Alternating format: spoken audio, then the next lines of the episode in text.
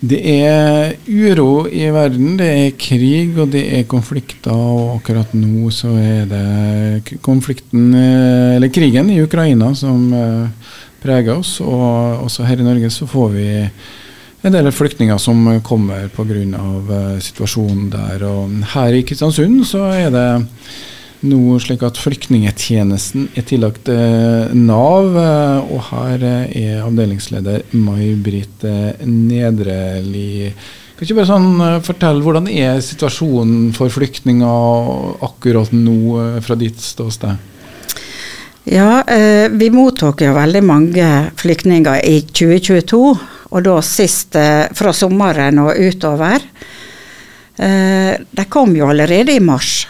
Eh, men da uten bosetting direkte, fordi vi hadde registrering av flyktninger i Kristiansund. Det ble delegert til politiet også i Kristiansund i en periode. Og da måtte vi jo ta imot dem på en helt ny måte som vi ikke har gjort før.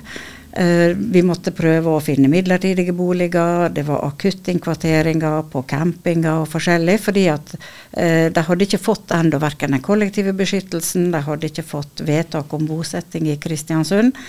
Men de var her og trengte akutt bistand. Og kriseteamet til kommunen var egentlig veldig godt involvert der og hjalp til med mye. Og så en del oppgaver ble lagt til Nav fordi at de visste at vi kom til å overta det når de kom som bosettinger.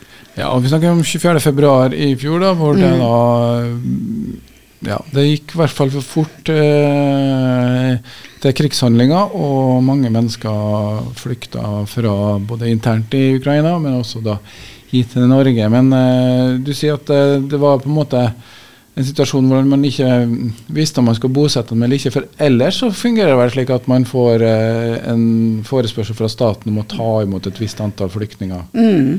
Normalår kan du si, så bruker Kristiansund å ta imot ca. 30 flyktninger. Og da er det IMDi eh, som fordeler de flyktningene til oss løpende gjennom året. Og det, det er forkortelsen for? Inkluderings- og mangfoldsdirektoratet. Ja, og De har jo også nå forespurt eh, da, kommunene, og kommunene skal vel vedta i denne måneden om hvor mange de ja, i, i, fjor så hadde de først godkjent eh, uh, laga vedtak eh, på 30, og så kom det ekstraforespørsel på 130. 65 til, sånn at det ble 165 i 2022. Og nå er vi blitt anmoda, som det heter, å, å ta imot 180 i år, og det skal opp i bystyret på torsdag. Så, og det her er stort sett Ukraina de kommer fra? Hovedsaken på økninga var fra Ukraina, ja. Mm. Og det her er jo flyktninger. Du nevnte med mm, beskyttelsesstatusen. Det er jo på en måte FN som setter det, er ikke slik? Ja, eh, Kvoteflyktninger er da vedtatt av FN. Og så er det sånn når de får beskyttelse på ulike måter, så blir det bestemt av UDI og det er hvem som skal ha. Kvoteflyktningene kommer jo fra internasjonale bestemmelser. Ja, For da har Norge forpliktet seg til å ta imot et visst antall? Ja. Mm. Er Ukraina-flyktningene samme? Der også er det vel gjort et samarbeid i Europa på hvordan en skulle fordele. For det kom jo, flyktningene var jo i Europa ikke sant, og kom over grensene her i store opptall. Og da så de fort at de måtte ha et samarbeid i Europa. Sånn at eh, Norge har vel sagt at de skulle ta imot 35 000. Og de fordeler de da ut på kommunen igjen. Og det er ca. samme antallet de har sagt at de kan ta også i eh, 2023. Men de har også antyda at skulle det bli en eskalering av krigen, så må vi være forberedt på å ta imot flere. Så er det jo alle som håper på fred, at det skal bli færre. Ikke umiddelbar utsikt til det, men uansett. Mm. Vi er jo et land hvor vi har eh, organisert eh, flyktningmottaket gjennom stat og offentlig forvaltning. og hva er det som egentlig møter en flyktning når han kommer hit til Kristiansund? Ja, jeg skulle si, Vi tar imot, hvis vi går på det normale og tar etter denne starten på 2022, og nå er vi mer inne i normale måter å ta imot, da får vi beskjed om, eh, ikke med navn og sånne ting, men eh, anonymt, familiestørrelse, alder på barn og sånne ting, eh, hva vi skal ta imot, fordi vi må jo skaffe en bolig. Uh, og så skaffer vi boligen. Vi sørger for at det er nødvendig utstyr som de trenger sånn i starten.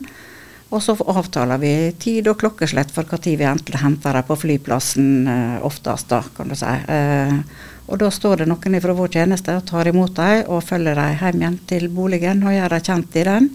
Avtaler gjerne et møte neste dag i forhold til å følge opp videre, og så tar en det fra der. Ja, og da er sånn, Boliger, er det noe de har, eller er noe de skaffer? Hvordan er situasjonen nå, Mm. f.eks.? Det er nok den mest krevende delen av eh, arbeidet akkurat nå. Eh, normalt så er det kommunale boliger når vi har hatt eh, eh, 30 flyktninger. Da er nå det fordelt på kanskje bare fire-fem bosettinger, så vi kaller det altså boenheter. Til sammenligning så kan jeg si at i 2020 så hadde vi fem boenheter som vi måtte skaffe til flyktningene som kom det året. I fjor hadde vi fire bosettinger etter siste uken i 2022.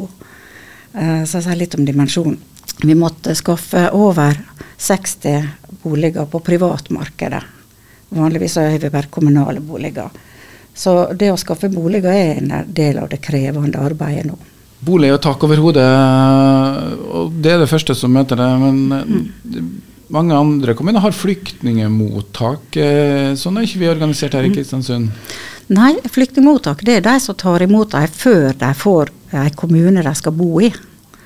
Eh, vi har på Sunndalsøra i tida nå så har vi også vært på Rauma, så har vært de som har vært her i fylket bl.a.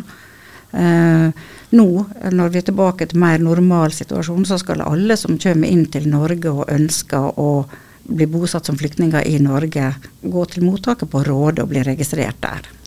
Ok, Så det er de som da kommer til Kristiansund, de har vært kanskje i, en stund i Norge?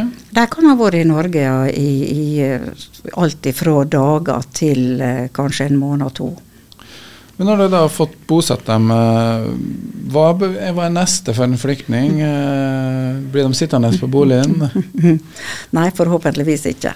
Eh, Der er det jo det at vi, vår tjeneste skal nå sørge for å bistå dem bli kjent i byen. Vi kaller det boveiledning. Det betyr ikke da bare inn i boligen. De må selvsagt lære hvordan de skal bruke våre boliger, hvis det er noe forskjellig i forhold til hvordan de er vant til å bo vanligvis. Uh, noe så enkelt som søppelsorteringa i Kristiansund, hvordan fungerer den kontra hva de er vant med. Men vi skal også gjøre det kjent i Kristiansund. Altså hvordan er det å bo og trives i Kristiansund? Hva er kulturtilbudene, hva er butikkene, hva er apotek og lege og helsetjenester? Og alt det som alle vi andre som bor her i byen bruker. Ja, det er, jo, det er jo Nav, men det er jo, eh, mest sannsynlig så er det ikke bare deg som jobber med dette her. Det er eh, både frivillige og andre organisasjoner og Ja. etater. Og det er nå en av de tingene som vi må gjøre, og henvise. Altså, hvis de er interessert i ballett og opera, for å bruke det som vi har i byen her, ja, da må vi vise hvor hen kan du finne et sånt tilbud. Det å koble på Frivilligsentralen vet jeg er veldig mange som bruker på en god måte, og bli kjent også med andre frivillige gjennom det her. Så vi skal på en måte bare prøve å hjelpe dem å kartlegge hva slags interessefelt de har, hva slags behov de har. Helsetjenesten er en viktig del, og denne helsetjenesten og helsesøstrene i kommuner som tar seg av. De skal kobles opp til barnehage og skole og alt det andre som finnes av nødvendige tjenester for dem. Og da vil noen ting være veldig individuelt for den enkelte, hva de har behov for. Mens andre er mer sånn OK, men hvor kan jeg gå tur, hvor kan jeg gjøre sånn? Så det er noe veldig variabelt for den enkelte. Men hva med sånn med økonomi oppi det her? eh, Vi er jo vant til at ting koster penger når vi deltar på fritidsaktiviteter. Er det tilrettelagt litt spesielt, eller? Det er nå en del av de tingene som vi må lære opp. Og det er klart at det er forskjell på om du tar imot noen som kanskje fra Ukraina, som er store mengder, de er nå vant til å bo og leve litt mer sånn som oss, altså med å betale og ha bankkontoer og sånne ting. Kontra hvis du tar imot noen som kanskje kommer fra en flyktningleir der de har bodd i leirhytte, ikke forholdt seg til Har ikke noe minibank eller bankkort eller sånne måter å bruke økonomi på. Og da må vi lære dem opp i det. Mm, men eh, de får støtte og sånn fra Nav? Ja da, vi, Det første de får, kan du si, det er vi starter jo med, med De har ikke noen annen ytelse eller rettigheter, så det første de, vi starter med, det er noe sosialstønad og tjenester på den måten. Eh, og så skal de jo gjennom det som de har rett eh, og plikt til hvis de er kvoteflyktninger. Ukrainerne som er på kollektiv beskyttelse, har rett til, men ikke plikt til, introduksjonsprogram, som vi kaller det. Og da får de noe som heter introduksjonsstønad mens de er på den. Ja, Da er språkopplæring en del av det og sånne ting? Ja, språkopplæringa starter en gjerne med før introduksjonsprogrammet også. sånn at det er noe av det første. Veldig mange starter nesten uka etterpå. Det spørs når eh, Kristiansund voksenopplæring er en av våre nærmeste samarbeidsparter. Så hvor fort de har en ny klasse til oppstart. Ja, det er jo vanskelig å forestille seg når de kommer fra et land i konflikt, som det er i hvert fall snakk om her. Eh, hvordan eh, møter dere de folkene? Hva slags inntrykk får de fra dem? Veldig variabelt. Og så spørs det hva de kommer fra. Altså, det er noe, de som vi ser har vært ute for store traumer. Altså har opplevd direkte krigshandlinger. Mens andre har kanskje klart å rømme før krigshandlingene har nådd dem. Og det vil nå være forskjell. Og så ser vi når de har vært her en stund, for med det samme når du flykter, så er du sikkert uh, si, full av adrenalin og, og takler ting, og så begynner tankene kanskje å komme litt mer når du får fred og ro rundt deg. Sånn at for mange så er det krevende situasjoner. Og vi må da, som er i nær kontakt med dem hele tida, hele tida vurdere om det er andre helsetjenester, psykolog eller andre ting som de trenger for å håndtere sin traume. Sånn, uh i forhold til det, det er jo sikkert lurt å være litt i aktivitet. Eh, kan de, være med, kan de jobbe, en flyktning? Sånne ja, ting? det kan de. Altså Når de har fått godkjent uh, flyktningstatus, så kan de, da har de arbeids- og oppholdstillatelse. Så for noen, f.eks. fra Ukraina, så ønsker ikke de å delta i alle disse programmene, men har lyst til å prøve å komme rett i jobb. Og da er det spørsmålet om dette, og vi som Nav-kontor kan være med og bistå på sånne ting også. Eh, og se om dette er noe. Eh, andre har kanskje hatt kontakt allerede, for det bodde jo folk fra Ukraina i Kristiansund før krigen. Eh, så noen hadde jo allerede kjennskap både til arbeidsgivere og andre kontakter, sånn at de begynte å jobbe. Hvor lenge, Det er jo en sånn slags status, det her å være flyktning. Hvor lenge har de den statusen, sånn at FN plutselig bestemmer at nå har de ikke beskyttelsesbehov? De kvoteflyktningene de har en varig eh, oppholdstillatelse over mange år for det meste. vi følger med på om dette, de må fornye den og sånne ting, for det vil variere litt uh, for den enkelte. For de får individuelle vurderinger på sitt uh, opphold. For uh, flyktningene fra Ukraina så har de ingen individuelle vurderinger, de har fått en kollektiv beskyttelse. Og Der er det mye særregler for akkurat de, Så de får den for ett år. Og det året begynner å nærme seg eh, utløp nå snart. Men vi går ut fra at det blir forlenga, for det, reglene sier iallfall at det kan forlenges for ett år om gangen, inntil tre år. Hvordan er det for da Vet ikke om du får noe inntrykk av det å være her som flyktning? Det er en uavklart situasjon hjem. Det er kanskje også uavklart her, i og med at vi har et år. på en måte. Mm. Påvirker det flyktningene? Får de noen tilbakemeldinger? Ja, vi, vi, har ikke fått så veldig mye på det fordi at vi har ikke kommet bort til denne her forlengelsen ennå. Eh, det kan hende at når vi nærmer oss at vi begynner å få det at eh, det kommer mer meldinger på det. Men veldig mange har jo også gitt inntrykk av at å, de ønsker seg hjem igjen. Det var særlig i starten. Mens nå når det har gått lenge, og for at det har lenge, så er det flere vi ser som sier at eh, nei, de vil bli. Og der igjen så vil det komme an på hvor kom de ifra?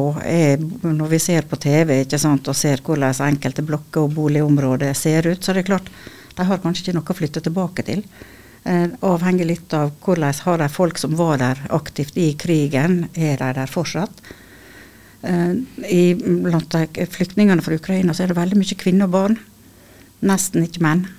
Eh, så det er også spesielt kan du si, for den gruppa. Og da er det litt sånn Hva skjedde med mannen? Broren, faren, eh, i forhold til de valgene de skal ta. Så de har eh, slektninger, i hvert fall Man lever ofte igjen i Ukraina. Ja. Eh, og så, det her er jo da um, fra Ukraina, men eh, sånn ellers eh, blant flyktninger, bare for å ha litt sånn denne innvandringen er én ting, og så er asylsøkere og så er flyktninger. Det går an å forklare forskjellene på en enkel måte? Ja, jeg skulle si Arbeidsinnvandring har vi jo i stor grad i byen. Eh, den mest kjente gruppa kanskje for mange er polakker. Eh, de hører til innenfor EØS-området og er fritt innenfor arbeidsmarkedet, kan komme hit og jobbe, og har gjort det i stor grad. Og de har jo også kanskje familie som etter hvert flytta hit, for der var det ofte menn som kom først. Altså bodde familien, eh, kone og barn og sånn igjen i Polen. Og etter hvert er veldig mange av de også kommet hit, sånn at de, de har etablert seg fast i Norge. Så så vi i pandemien, så var det mange av dem som flytta tilbake igjen. Eh, så, så, folk som har opprinnelse i andre land, vil jo ofte vurdere hvor hen de vil fortsette å bo. Dersom de har valget. Eh, det som kanskje skiller kvoteflyktninger og mange flyktninger som da har fått individuell opphold, det er jo det at de er forfulgt på et vis i sitt eget land. sånn at de kan ikke flytte tilbake. Og da søker de asyl her? Ja, da søker de asyl eller kommer via kvoteflyktninger i, fra FN. Sånn, eh, og da blir det vurdert hva er grunnen til at du blir forfulgt i ditt hjemland. Altså hva slags myndighet er på jakt etter deg. Og hvis de da får et opphold her, så vil de da bosette seg her. Eh, vi ser at oftere menn som kommer alene på sånt, det som vi tradisjonelt har vært vant med, kanskje både fra Syria, Afghanistan, eh, land som har vært krig og uro i, så har det ofte vært mange unge menn. Og så har det senere kommet familiegjenforeninger som er atter ei gruppe. Så det er litt sånn hvordan konflikten utvikles, som kanskje påvirker akkurat det. Så i en tidlig fase av konflikt så er det kvinner og barn. Og så kommer menn senere, da? Kanskje? I en sånn krig som vi ser i Ukraina, så vil jeg tro at da er det mer sånn der. Eh, mm. på andre områder så er det gjerne sånn at det er mer politikken. ikke sant? Mm. Altså, mm. Er du motstander av politikken i et land Vi ser det fra Iran og Irak, så har det ofte flyktninger fordi at de er forfulgt enten som folkegruppe, som vi har hatt en del, eller at de er som enkeltindivid fordi de har protestert imot myndighetene i landet. sånn at det er den personen som er trua, kanskje den familien som er trua. Det er sikkert et uh, vanskelig spørsmål å svare på, men uh, til, hvordan er det med Kristiansund? Uh, hvor mange flyktninger er det? Det må jo ha blitt en del? Ja, jeg skal si det, det akkumulerer seg år for år. Og, og nå har ikke tallet på flyktninger, men, men, eh, jeg tror det siste så sånn rundt starten på 2022, så er det vel rundt de 2500 innbyggere med annen landsbakgrunn enn Norge. da. Ja, annen lands. Men nå tar jeg en klype, for jeg tok ikke med meg statistikkene på Mm. Og hvis vi får det riktige tallet fra på, så skal vi få et møte inn det også. Men jeg tenker sånn som meg nå, som kanskje ikke har så mye hverdagslig omgang med flyktninger. Mm. Er det noe jeg kan gjøre, bidra med, eller? Ja, absolutt. Altså det som vi ser når vi har fått de store mengdene nå, så er vi helt avhengig av at frivillige kanskje er med på laget for å gi dem en god boopplevelse i Kristiansund. Og blir de boende her, er noe veldig mye av dette her, det er noen store ressurser for byen. Altså både, Vi vet at arbeidsmarkedet nå er ganske krevende. Folk får ikke tak i den arbeidskrafta her. Der vil disse her kunne være med i stor grad fylle der. Eh, vi får flere barn inn og sånne ting. Så det er jo en god ressurs. Men da må vi kanskje møte dem og vise dem byen også, og hva vi har å dele på. Så frivillige som kan være med på ulike oppdrag, eh, er godt god behov for, for å si det sånn. Eh, det kan være om det tror vil være støttefamilie. altså Tenk hvor kjekt å bli kjent med en norsk familie så du bare kan ja, Det kan være noen på samme aldersgruppe som deg, eller om du vil være reservebesteforeldre. Altså, de mangler jo ofte familie rundt seg. Så dette her å være en uh, tante, onkel, reservebesteforeldre eller melde seg på sånt, kanskje hjelper dem med norsklekser. Komme dem på kafé.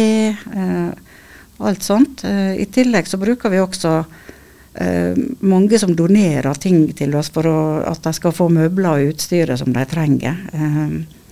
har du en bolig som du kan leie ut, så kan du ta kontakt med oss i forhold til det. Eh, så det er mange ting vi trenger bistand fra andre, fordi vi klarer ikke å løse alt sjøl. Det er masse små ringer i samfunnet hvor vi da kan inkludere flyktninger også. Men mm. uh, du er en del av Nav flyktningtjeneste, men du har også frivilligsentrene, mm. eh, som det er mulig å henvende seg til. De kanskje bistår litt, hvis du har noe å bidra med? Ja, de har jo hatt, eh, satt i gang ganske mange aktiviteter, både spesielt for ukrainere, men også ellers. De kan delta både unge og eldre der på aktiviteter med dem. Mm. Ja, og så er det jo masse sosiale aktiviteter eller aktiviteter vi driver med allerede, som om det er fotballtrening vi organiserer, så er vi mm. også med å bidra på mm. den måten. Skal si takk til deg, May-Britt Nedreli. og Du er avdelingsleder for Nav flyktningtjenesten. og Jeg får så lyst til å si at jeg håper du ikke får så mye å gjøre, men det er jo ikke noe vi kan vite allerede nå. Men eh, sånn som konflikten i hvert fall nå er i Ukraina, så er det så uavklart at vi må regne med at det kommer flyktninger kanskje i lang tid fremover. Ut ifra sånn som det ser ut, så er vi kanskje mer redd at det tallet som vi skal ta imot, at det blir bedt om å ta imot flere. For det ligger nå et eh, Norge har jo sagt at eh, eskalerer det, så kanskje en må ta imot 50 000 flyktninger i stedet for 35 000. Det betyr jo også flere for hver kommune som tar imot. Det er jo også mulig å gå inn på kristiansund.kommune.no sitt eh, nettsted og også sjekke der. Der er det mulighet til å bl.a. melde inn hvis du har en eh, bolig eller noe du kan bidra med i forhold til eh, hva flyktningene trenger når de kommer hit til Kristiansund. Og Så får vi bare krysse fingrene for det beste og gjøre det vi kan. Og som, hvis du har lyst til å bidra, det var noen tips her, få med deg det. Og så gjør vi det beste for å ta imot dem som kommer fra en uh, situasjon som er nødt til å flykte ifra. Ja, For å ta litt eh, faktatallene som er nevnt her. I Kristiansund så bor det 24 013 mennesker, og antall innvandrere, som man sier, det er 2722. Så det er godt over 10% 11,3% som har en innvandrerbakgrunn. Og da snakker vi om arbeidsinnvandrere og familieinnvandrere og flyktninger og deres familieinnvandrere. Og så er det noen som innvandrer pga. utdanning, og noen som eh, innvandrer av en annen årsak. Og norskfødte med innvandrerforeldre er det 474 av.